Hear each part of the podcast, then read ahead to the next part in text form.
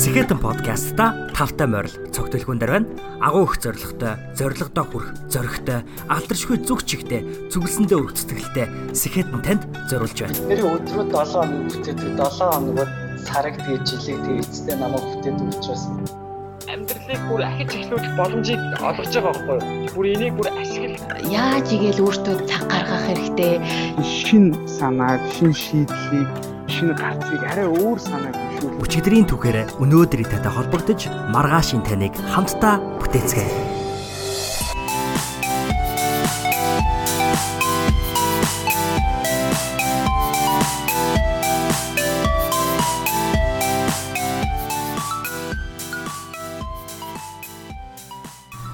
Сайн мэцэнэ залуучуудаа энэ хүрээд Skeleton podcast-ийн Ямин 8-ын 71-р дугаарт тавтай морилоо. Өнөөдөр надтай хамт байгаа танд маш их баярлалаа. Энэ бол миний хувьд нэр төрийн хэрэг шүү. Ягаад би ингэж хэлж байна гэхээр та манай podcast-ыг эхнээс нь ахуулаад одоо хүртэл сонсож байгаа болон аль эсвэл өнөөдрөөс ихвэл ахуулаад сонсож эхэлж байгаа танд болон энэ бүх хүмүүс би үнэхээр их баярлалаа гэж хэлмээр байна. Ягаад тэгэхээр таньгүйгээр энэ подкастыг төсөөлөхийн арга байхгүй. За Няминан подкастынхаа би өмнөх нэгэн дугааруудын нэг дээр дахиж ер нь бол соло дугаар буюу ганцаараа явсан дугаар бол хийхгүй гэж ярьж байсан. Гэхдээ би бодлоо өөрчилсөн байгаа. За яагаад бодлоо өөрчилсөн бэ гэдэг дээр хоёр шалтгаантай. Нэгт болохоор би маш олон хүмүүсээ соло дугаараа Няминамаараа дамжуулж хийвэл их гоёо гэсэн сэтгэгдлүүдийг тэр чиглэлийн сэтгэгдлүүдийг бол маш олон хүлээж авсан байгаа. За хоёр дахь хамгийн гол шалтгаан нь юу байсан бэ гэхээр бид бүхэн Монгол контентын GoGo News тэй хамтран ажиллаж эхэлсэн байгаа. Тэгээ GoGo News News-ийн сэтгүүлч онон маань хамтран ажиллахдаа манай подкастуудыг сонсож байгаад өөрөө дурын подкастын ангиас сонгоод та бүхэндээ ер нь бол текстэн хэлбэрлөө хөрвүүлж та бүхэнтэй манай подкастыг GoGo цэг имэнээр дамжуулан уулзуулж байгаамаа. Тэгэхээр зэрэг тэрхүү хамтран ажиллаж буй энэ хүү одоо подкастаас аудио хэлбэрлээ хэлбэрээс текст хэлбэрлүү хөрвүүлсэн анхны мэдэн маань анхны подкастын анги маань ямар анги байсан бэ гэхээр миний хамгийн сүүлд хийсэн дадал зуршлын тухай подкаст дугаар байсан. Тэгэхээр зэрэг тэр дугаар маань мэрэгжлийн сэтгүүлчөөр үнэлэгдэж та бүхэнд хүрсэнд бол би үнэхээр их баяртай байсан. А дээрэс нь би яг тэрхүү соло дугаараа ингээ үнэлээд дүгнсэн чинь яагаад тэр соло дугаар мэрэгжлийн сэтгүүлч хүнд болон ман мөн манай подкастын хамгийн их сонсолттой 5 подкаст дугаарууд энийг байгаа. За тэрийг бодолцож үзээд за тэгээд би өөрөө нөгөө дугаараа ингээ уншсан чинь надад маш гайхалтай санагдсан л да. Өөрийнхөө одоо хийсэн ажилд ер нь сэтгэл хангалуун байсан. Тэгээ яагаад үг гэхээр аа тэрхүү подкастн дээр бол би мэдээж хэрэг өөрийнхөө туршлага дээрээс та бүхэндээ хуваалцсанаас гадна үргэлжийн янз бүрийн шинжлэх ухаанаар батлагдсан баримт нотлохоотой зүйлүүдийг та бүхэнд ерөнхийдөө хуваалцсан байгаа. Тэгэхээр зэрэг ямар зүйлийг үнцэнтэй контент гэж бас хэлж болох вэ гэхээр зөвхөн өөрийнхөө мэдлэг туршлага мэдрэмжэндээс тулгуурлаас гадна тэрхүү хүргэж буй санаа нь өөрөө альва одоо баримт нотлохоогоор баталгаажсан буюу өөрөө тэрхүү баримт нотлохоонууд нь арыг нь даасан байвал их үнцэнтэй контент болж хувирна тийм ээ. Тэгэхээр зэрэг тийм үнцэнтэй контентыг бүтээх боломж платформ бол яхаа аргагүй Skeleton podcast-ийн Ями 8 юм байна гэж бодож байгаа. А гэхдээ мэдээж хэрэг цаашдаа манай Ями 8 маань а одоо 80% нь барыг зочдог. Үлдсэн 20% нь соло дугаар байна гэдэгт бол би эргэлзэхгүй байна. За тэгээд ерөнхийдөө бол манай Skeleton podcast бол нэлээд одоо юм туршилтын талбар гэж хэлж болно. Бид бүхэн бол цоо шин зүйлийг бүтээхээс илүүтэйгээр өөрсдийнхөө амьдралын хэм маяг, өөрсдийнхөө амьдрал туулж байгаа энэ зүйлүүдийг баримтжуулж та бүхэнтэйгээ хуваалц, та бүхэнд та бүхэнтэйгээ тогтмол харилцаатай холбоотой байснаар хэдүүлээ нэг нь нөгөөдөө сургадаг тийм ээ. Ийм одоо нэг нь нөлөөлөгч нөгөөт нь нөлөөлүүлдэг хүнхээс илүүтэйгээр бид нар бол нэг хотол, нэг гэр бүл, нэг хамт олон байгаа. Тийм ч учраас манай Skeleton гэр бүлийн Skeleton гэр бүл гэж нэрлэдэг. Одоо манай хамт олныг тийм ээ. Энэхүү подкаст дээр энэхүү төслөөр дамжуулж бий болгож байгаа энэхүү хамт олныг бол Skeleton гэр бүл гэж нэрлэдэг Тэгэхээр гэр бүлийнхаа гишүүдтэйгээ инхүү нэгэн бас соло дугаартайгаа уулзах гэж байгаадаа маш их баяртай. За энэ удаагийн соло дугаарыг би юу гэж нэрлэхээр шийдсэн бэ гэхээр үнцэн бүтээгч байх таван алхам гэж нэрлэхээр шийдсэн байгаа. За өнгөрсөн 1 жилийн хугацаанд би Америк нэгдсэн улсад ихтэй зургуулаад төгсчөөд ерөнхийдөө бол мэрэгжлийнхаа хүрээнд бол Америкт одоо бол яг Америкийн одоо бол одоо Америкийн мэрэгжлийн одоо албанд гэх юм уу да хуулийн салбарт ер нь бол нэг жил ажилласан байгаа. За тэгтээ энэ зүйлээ дүгнээд за мөн оюутан байсан одоо цаг хугацаагаа дүгнээд а оюутан байсан тэр дундаа оюутан байхдаа хийж байсан ажлуудаа дүгнээд ерөнхийдөө бол ажиллаж байгаа газартаа ажиллаж буй албан байранда хамт олонныхоо дунд хэрхэн үнцэн бүтээгч байх вэ гэдэг дээр өөрийнхөө сонгосон 5 сэдвийн хүрээнд ярилцах юм байна. А гэхдээ 50-агийн маань үргэлжийн подкастууд дээр хийдэг шиг үлгэрч аваад энэ хүү 5 зүйлээ би одоо өөрийнхөө туршлага болон бусдын судалгаа шинжилгээ мэдлэг дээрээс тулгуурлан тэдгээрийнхээ арыг нь дааж ярих юм байна шүү. Тэрүүгээрээ онцлог байх юм болов уу гэж би бол бодож байна. За тэгээ хэдүүлээ үнцэн бүтээгч байх 5 алхам гэсэн энэ хүү 71-р дугаарынхаа эхний гол санаа руу орцгоё. За та бүхэнтэй хамгийн түрүүнд хуваалцахыг хүсэж буй гол санаа болохоор бусдыг бусдад дорд мэд мэдрэмж бүү төрүүлээ гэдэг ийм санаа байгаа. Тэгэхээр энэ нь юу хэлж байна гэхээр би оюутан байхдаа 4 жилийн хугацаанд ерөнхийдөө бол дандаа IT салбарт буюу мэдээлэл технологийн салбарт ажилласан байдаг. Тэгэхээр сургууль дээр мэдээлэл технологийн салбарт ажиллана гэдэг нь тухайн сургууль сурч буй оюутан багш хүмүүжүүлэгч одоо профессорууд те а дээрэс нь тухайн сургуульд ажиллаж байгаа ажилтнуудад мэдээлэл технологийн буюу компьютерийн интернетийн зөвлөгөө тусламж өгдөг. За өгөхдөө утсаар ярьж өгч болно, имэйлээр харьцаж болно, чатлж болно. За тэгээ яг биеэр одоо яг ийм зориулалтын офис дээр суугаад хүмүүс компьютер оч юм уу гар утсаа барьж орж ирээд тэрхүү асуудлыг шийддэг ийм төв гэж болно. Төв гэж хэлж болно. Тэгэхээр ийм төвүүдэд би ажилладаг байсан. За хагасчлт нэг удаа менежер маань биднийг одоо оюутан ажилчдаа хүлээж авч уулзаад за чи энэ зүйл дээрээ сайн байна. Энэ зүйл дээрээ муу байна. Энэ зүйлээ засаад ингээ явчих болно. А энэ зүйлээ их сайн байна. Үүнийгээ цаашаа явуулах сайжруулаарай гэдэг одоо ийм уулзалтууд идэг те. За тэгээ би хамгийн сүүлийнхаа жил байна уу да менежертэйгээ уулзалт хийсэн. За тэгээ тэр уулзалтан дээр юу хийсэн бэ гэхээр а би бол ерөнхийдөө бол баг өдөрт нэг хэд 6 цаг ажиллаа гэж бодоход бол 6 цагийн туршид бол яг утасны төв дээр ажиллавал нийт баг нэг 50 дунджаар нэг 50 дуудлага бол ер нь авдаг. За зарим завгүй өдрүүдэд бол баг 100 хүртэлх дуудлага бол авдаг. За дуудлага аван чатлан, имэйлээр харьцан те. За биеэр уулзаж туслана. Эдгээр хүмүүс бол энэ үйлчлэгийг авсныхаа дараа энэ үйлчлэгийг дүгнсэн сэтгэгдлүүдээ бол үлдээдэг байгаа. Тэгэхээр энэ сэтгэгдлүүдийн нэг нь миний менежерийн одоо надтай хуваалцсан сэтгэгдлүүдийн нэг тухайн үед хийгээд одоо хүртэл надад маш нэгэн гүн сэтгэгдэл төрүүлсэн нэг юм сэтгэгдэл байдаг. Энэ сэтгэгдэл нь юу байсан бэ гэхээр би энэ үйлчлэгээний туршид ердөөсөө дорд мэд мэдрэмж аваагүй гэсэн юм утга санаатай сэтгэгдэл үлдээсэн байсан. Тэгээ энэ нь их тийм гүн сэтгэгдэл төрүүлсэн.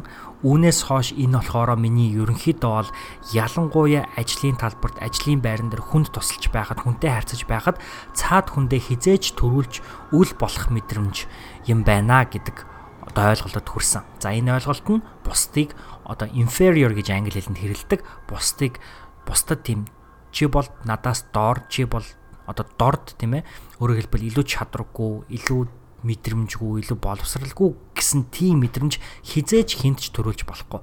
За энийг илүү яг жишээн дээрээ одоо үргэлжлүүлээ тайлбарлал илүү ойлгомжтой гэж бодож байна л да. За жишээ нь одоо бид нар бол одоо миний үеийнхний ихэнх маань ихэнх миний үеийн хүмүүс маань ерөнхийдөө бол мэдээлэл технологид ойрхон өсчихсэн, интернетд ойрхон өсчихсэн, компьютер ухаалаг гар утсад ойрхон өсчихсэн. Тэгэхээр эдгээр зүйлүүдийг хэрхэн хэрэглэх үү, яаж асуудлуудыг шийдэх үү гэдгийг бол сайн мэддэг хүмүүс байгаа тийм үү. А гítэл одоо бидний дээдлийн үеийнхэн аль эсвэл бидний бас үеийн залуучууд ч гэсэндээ боломж боломжгүй байснаас шалтгаалаад мэдхгүй зүйлүүд маш их байгаа.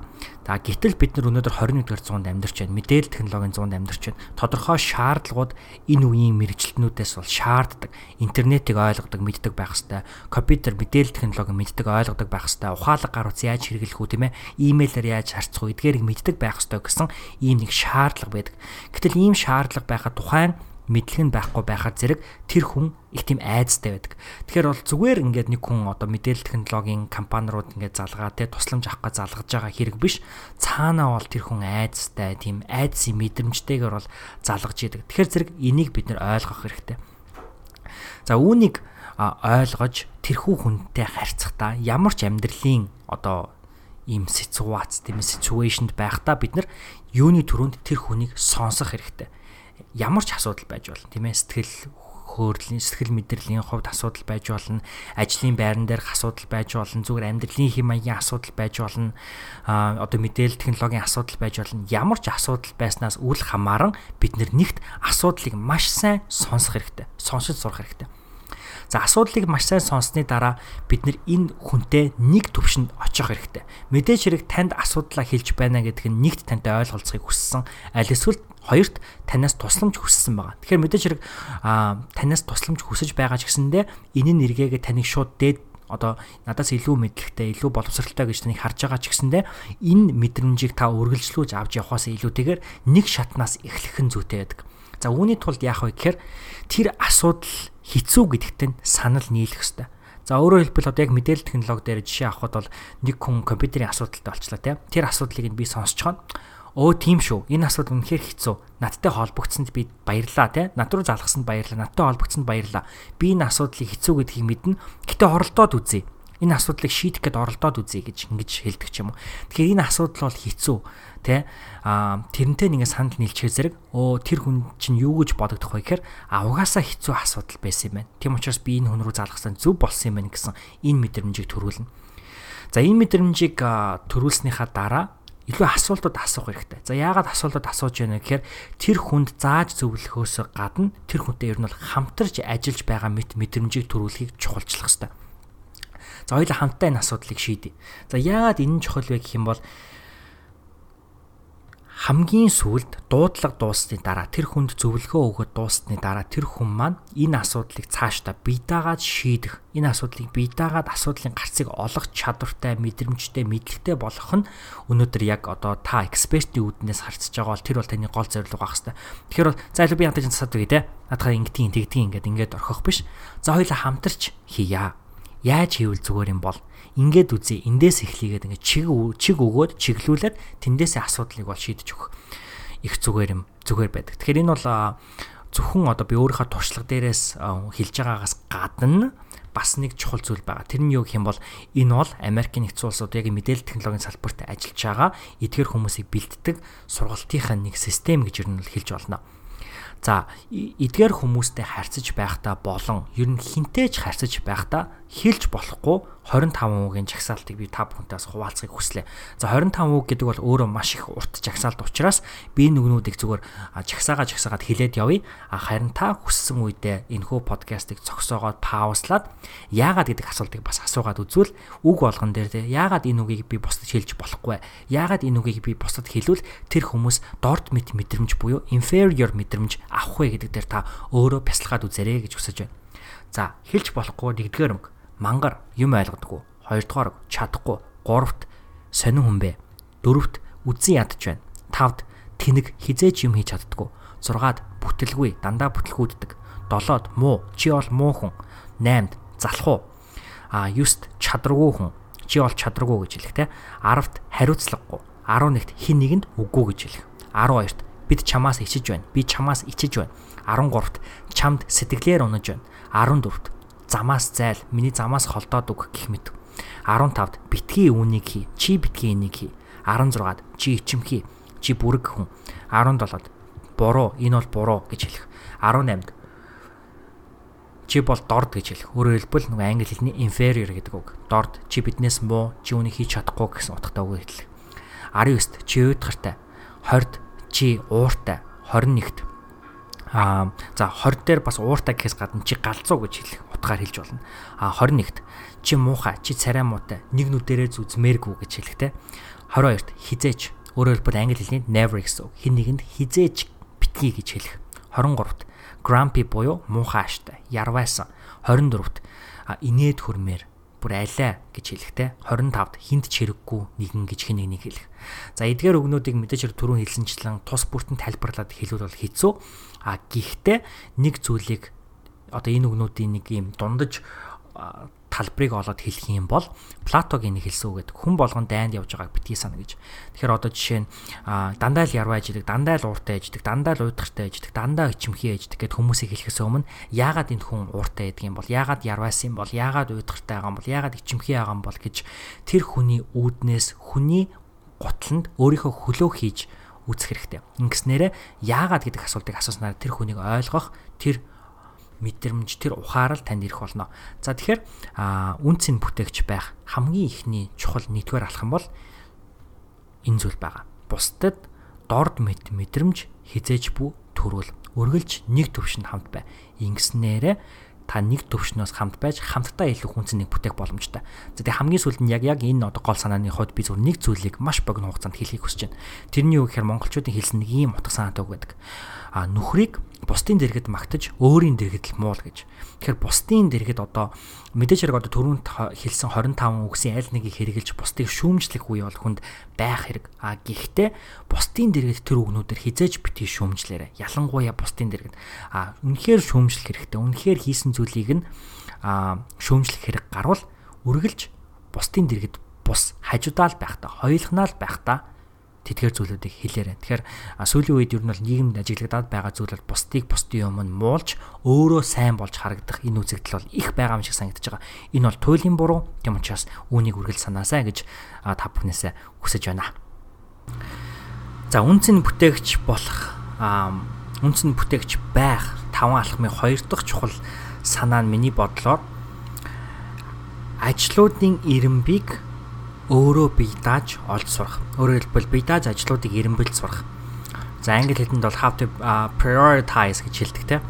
Тэгэхээр бол энэ бол зөвхөн ажлын байран дээр гэлтгүү, хувийн амьдралд янз бүрийн зүйлд бол үнэхэрийн ямар ч салбарт бол үнэхэрийн чухал байх ёстой чадвар байгаа. Тэгэхээр ингээд ажлын байрны заруудыг харж байхад ч гэсэндэ энэ чадвар бол яхаа аргагүй ажил олгогч нараас хамгийн их хүсдэг чадруудын нэг бол байгаамаа. За тэр ч тухаараа хүн болгон бол өөрөө бие дааж ер нь бол аль систем тийм ээ ямар байдлаар ажлуудыг эренбэлж сурахаа олох нь чухал гэж бодож байна. А гэтээ би та бүхэнд ерөнхийдөө бол Америкийн нэгдсэн улс дахь хүний нөөцийн нийгэмлэгээс гаргасан юм чагсаалтыг та бүхэнд сонирдуулъя гэж бодож байна. За нэгт ингэж байгаа. А өөрийнхөө хийх ёстой бүх зүйлсүүдийн жагсаалтыг бол гаргах. Тэгэхээр энэ болохоор нэг өдрийн дотор гэж яг бодъё те. За нэг өдрийн дотор үн хийж болох бүх зүйлсүүдийнхаа чагсаалтыг гаргах. За үүний тулд миний бодлоор ерөнхийдөө бол 10 минут ч юм уу зүгээр таймер тавиад цаг тавиад тэгээд өөрийнхөө толгой дотор орж ирсэн бүх зүйлүүдийг эхнээс нь эхэлж бичих. Тэгэхээр нэг зүйлийг биччихээр нөгөө зүйл бодогдоод угаасаа бичих зүйл маш их гарч ирдэг. За инхээр бол танд бол нилээд урт аль эсвэл маш богинохон хамаагүй юм хийх зүйлсийн жагсаалт бол гарч ирнэ. За тэгэхээр хоёр дахь алхам нь үүний дараа аль нь нэн яаралтай хийх ёстой мөн аль нь нэн чухал хийх ёстой гэсэн хоёр хэсэгт бол хуваана. Тэгэхээр зэрэг за нэн яаралтай хийх ёстой, нэн чухал хийх ёстой гэсэн хоёр зүйл хуваахдаа нэг асуултыг бас өөрөөсөө асуух ёстой. Яагаад энийг нэн яаралтай хийх ёстой вэ? Яагаад үннийг хийх нэн чухал шаардлагатай вэ гэдэг. За тэгэхээр яагаад гэдэг асуултанд та магадгүй хариулж чадахгүй. Хариулсан ч гэсэндээ хариулаад бодсны дараа энэ зүйл нь тийм ч их чухал биш санагдвал та хүсвэл нэг бол тэрхүү хийх зүйлийг чагсаалтаас гаргаж хаях аль эсвэл дараагийн өдөрт ч юм уу дараагийн 7 хоногт ч юм уу тэрхүү зүйл хийх ёстой зүйлийг хойшлуулж болно. За ингэснийхаа дараа ингэж хоёр хэсэгт хуваасныхаа дараа хийх гэж байгаа зүйл болгоныхаа үн цэнүүдийг тодорхойлох хэрэгтэй. Тэгэхээр үн цэн хийх гэж байгаа зүйлтэй таны амьдралд ямар үнц нөх юм бусдын амьдралд ямар үнц нөх юм те эдгээрийг бодолцож үзээд дахиад тэрхүү яагаад гэдэг асуултанд хариулж байгаа тэр нь бол адилхан. За ингэснийхаа дараа дөрөвдүгээр алхам нь болохоор тэрхүү хийх ёстой зүйлсүүдийг а жижиг жижиг таскуудад хуваах. Өөрөөр хэлбэл энэ нь их тусалдаг зүйл байгаа л да. Ер нь бол одоо ингээ за одоо жишээ нь подкастын нэг анги гаргах гэдэг нэг юм хийх зүйл байна.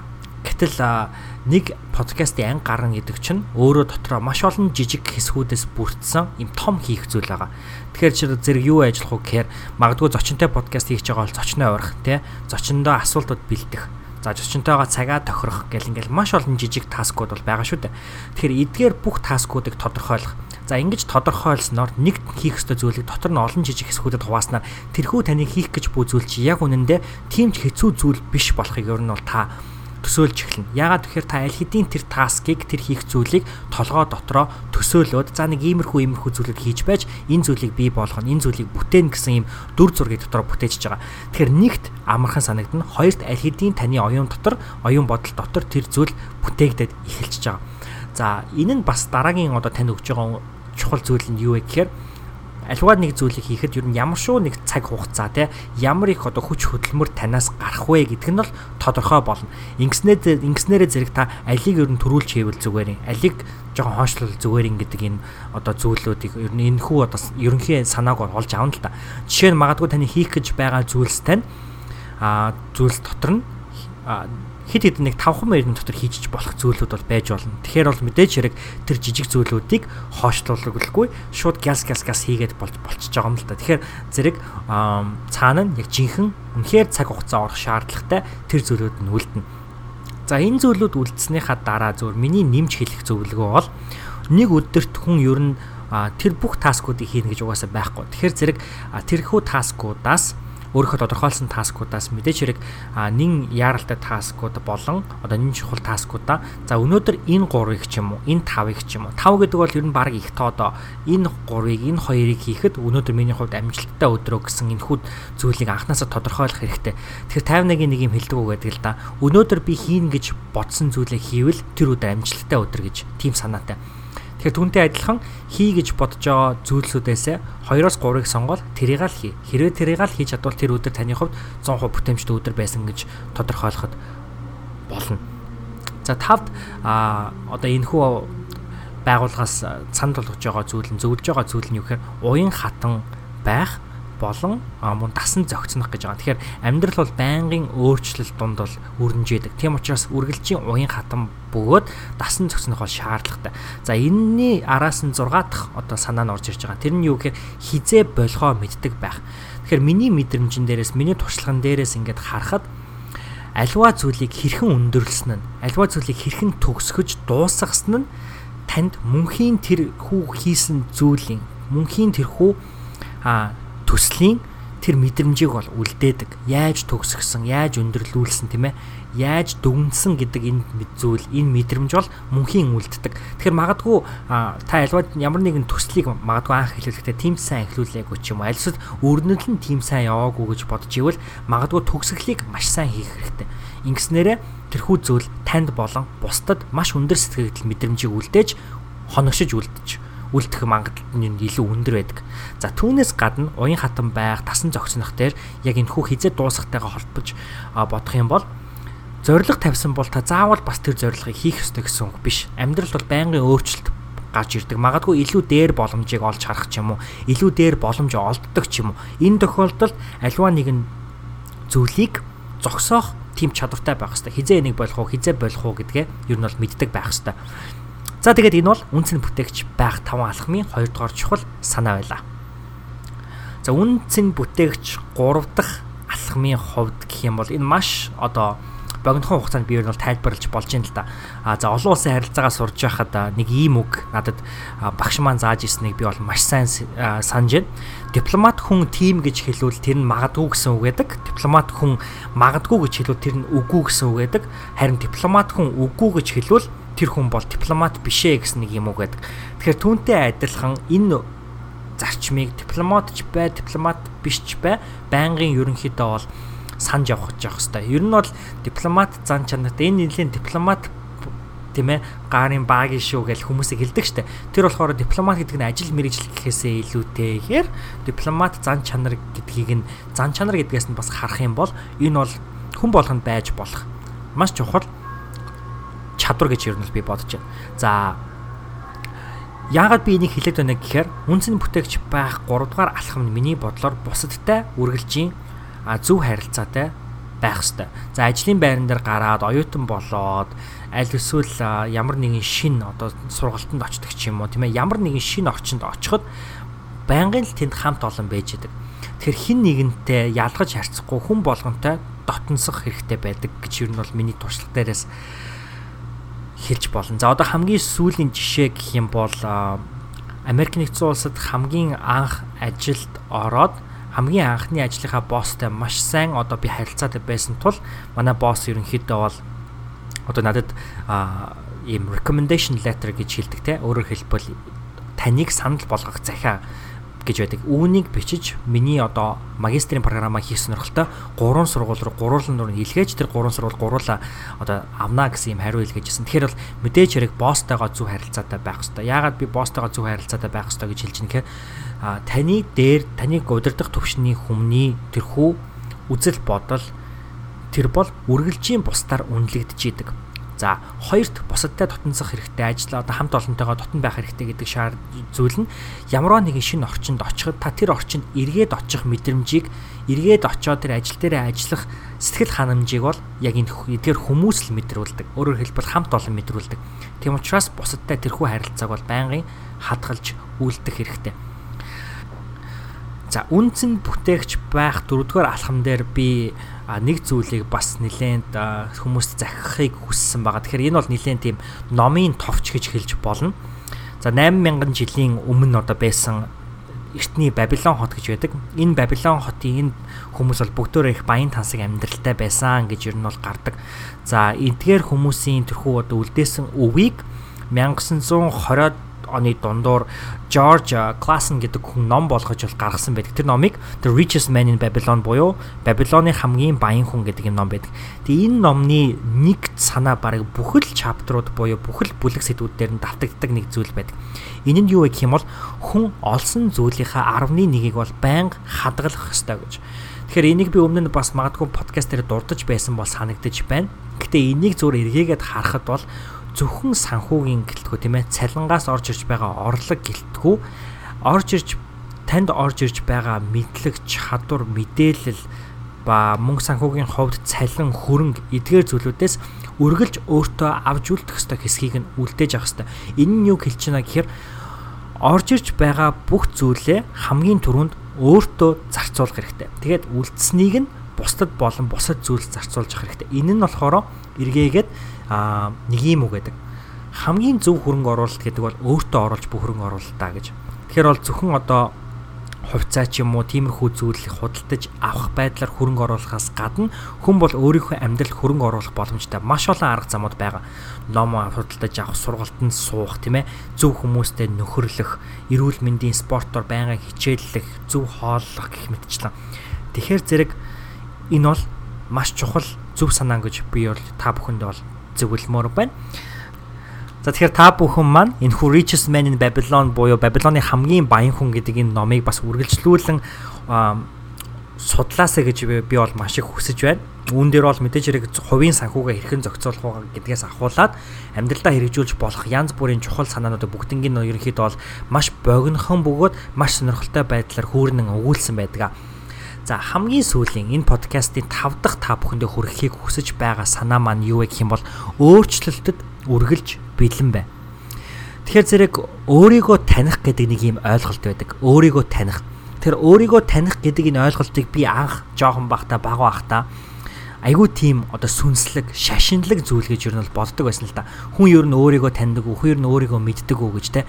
Яг тэгээд ингэ бодохоор хүн юу нь өөрийгөө яаж таних хэвтэй юм бол гэж энэ асуултанд ингээд хариулахын тулд тийм шашны тал руу ч гэдэг юм уу сүнслэг ертөнц рүү ч гэдэг юм уу орох шаардлагатай тэр талаас судалмаар уншмаар тэгж мэдрэмж санагддаг байсан. Гэтэл одоо ингээд бодоход өөрийгөө танина гэдэг бол зүгээр л толинд харахаас эхэлдэм байх гэж надад бодогдож байгаа. Яагаад үг гэхээр хүн өөрийгөө толинд хараад өөрийнхөө өндөр, өөрийнхөө биеийн одоо юутгчийн өөрийн биеийн гаднах одоо өнгө үзэмж тийм ээ өөрөөр хэлбэл гаднах appearance гэж англиар хэлдэг. Өөрийнхөө гаднахаа харж болно. За тэгээд гаднахаа харсныхаа дараа мөн дотгошоогоо хүн өнгөж сурах хэрэгтэй. Тэгэхээр өөрийнхөө зөвхөн одоо бие физиологийн хувьд өөрийгөө хүн мэддэг байх хэрэгтэй тийм ээ. Ямар одоо нойр нойр авал ер нь илүү үр бүтээмжтэй ажилдаг. Кофе уувал ер нь сайнаар нөлөөлт юм уу? Кофе өөртөө тусалдаггүй юм уу? За хитэн цагийн нойр аваад хангалтгүй байвал өдөр магадгүй дуг хийвэл илүү сайн ажилдаг хүмүүс юм уу гэдэг юм уу. За ямар төрлийн хоолны дэглэм байрвал надад илүү тохирж ийн гэдэг юм уу. Иймэрхүү бие физиологийн хувьд өөрийгөө таньдаг байхыг би толинд харах гэж хэлээд байгаа юм аа. За дараагийн нэг чухал зүйл нь өөрийгөө дотгошоогоо харах гэж.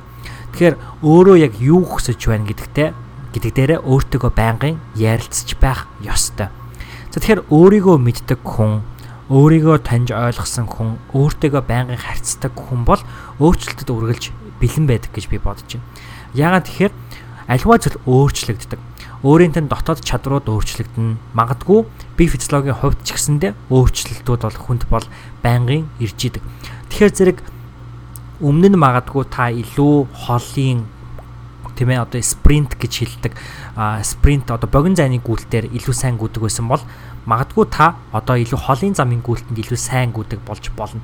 Тэгэхээр альнаас нь илүүтэй амьдралын кафег мэдэрч байна. Үүнийгээ тодорхойлоод тийсээ тийшээгээ айхгүйгээр өөрчлөлтөд үргэлж бэлэн байж ах ёстой. Тэгэхээр тэр өөрчлөлтөнд өөрийгөө мөн дасгах ёстой.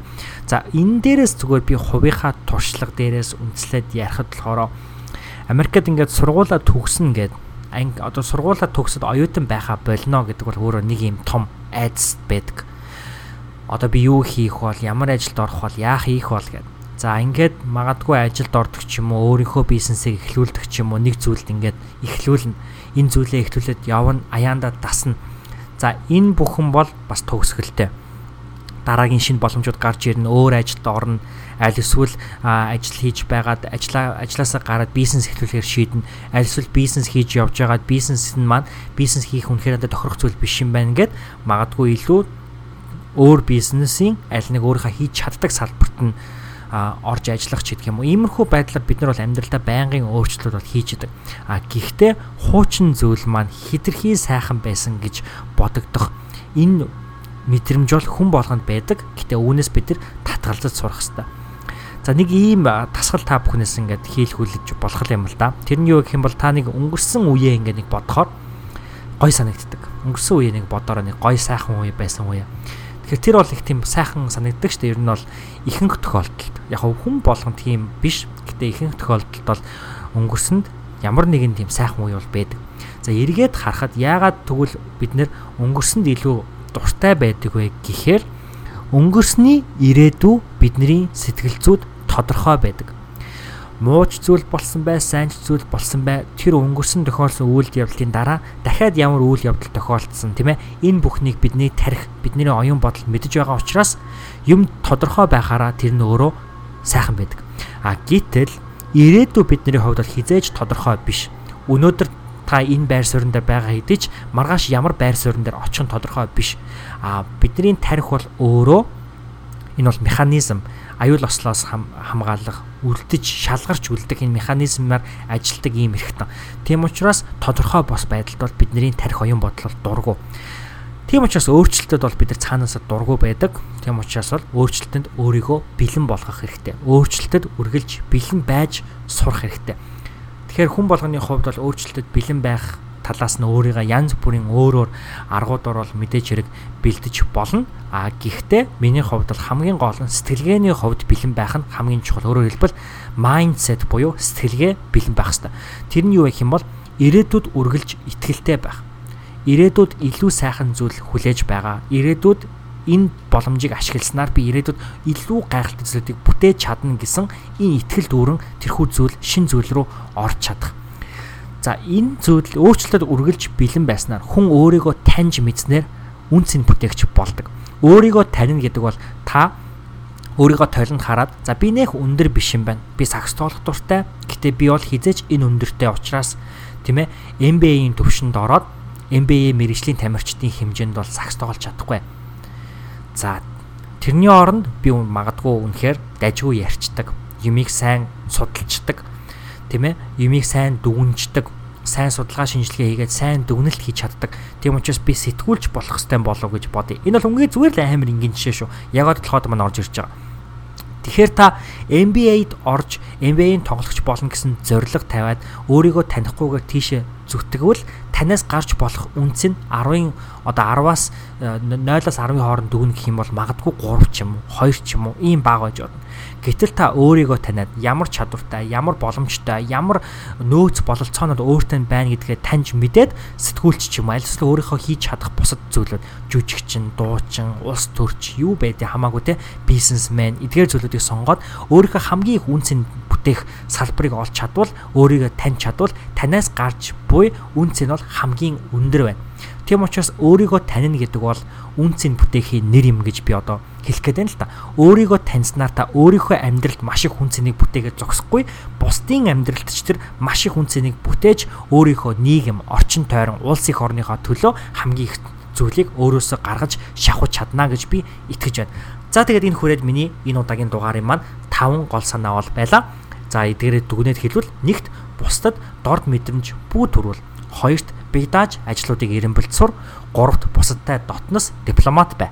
Дөрөвт Бибилоны хамгийн баян хүн буюу олсон орлого болон олсон бүх зүйлийнхаа ядаж 11 буюу 100%-ийн 10%-ыг өөртөө хадгалж бай.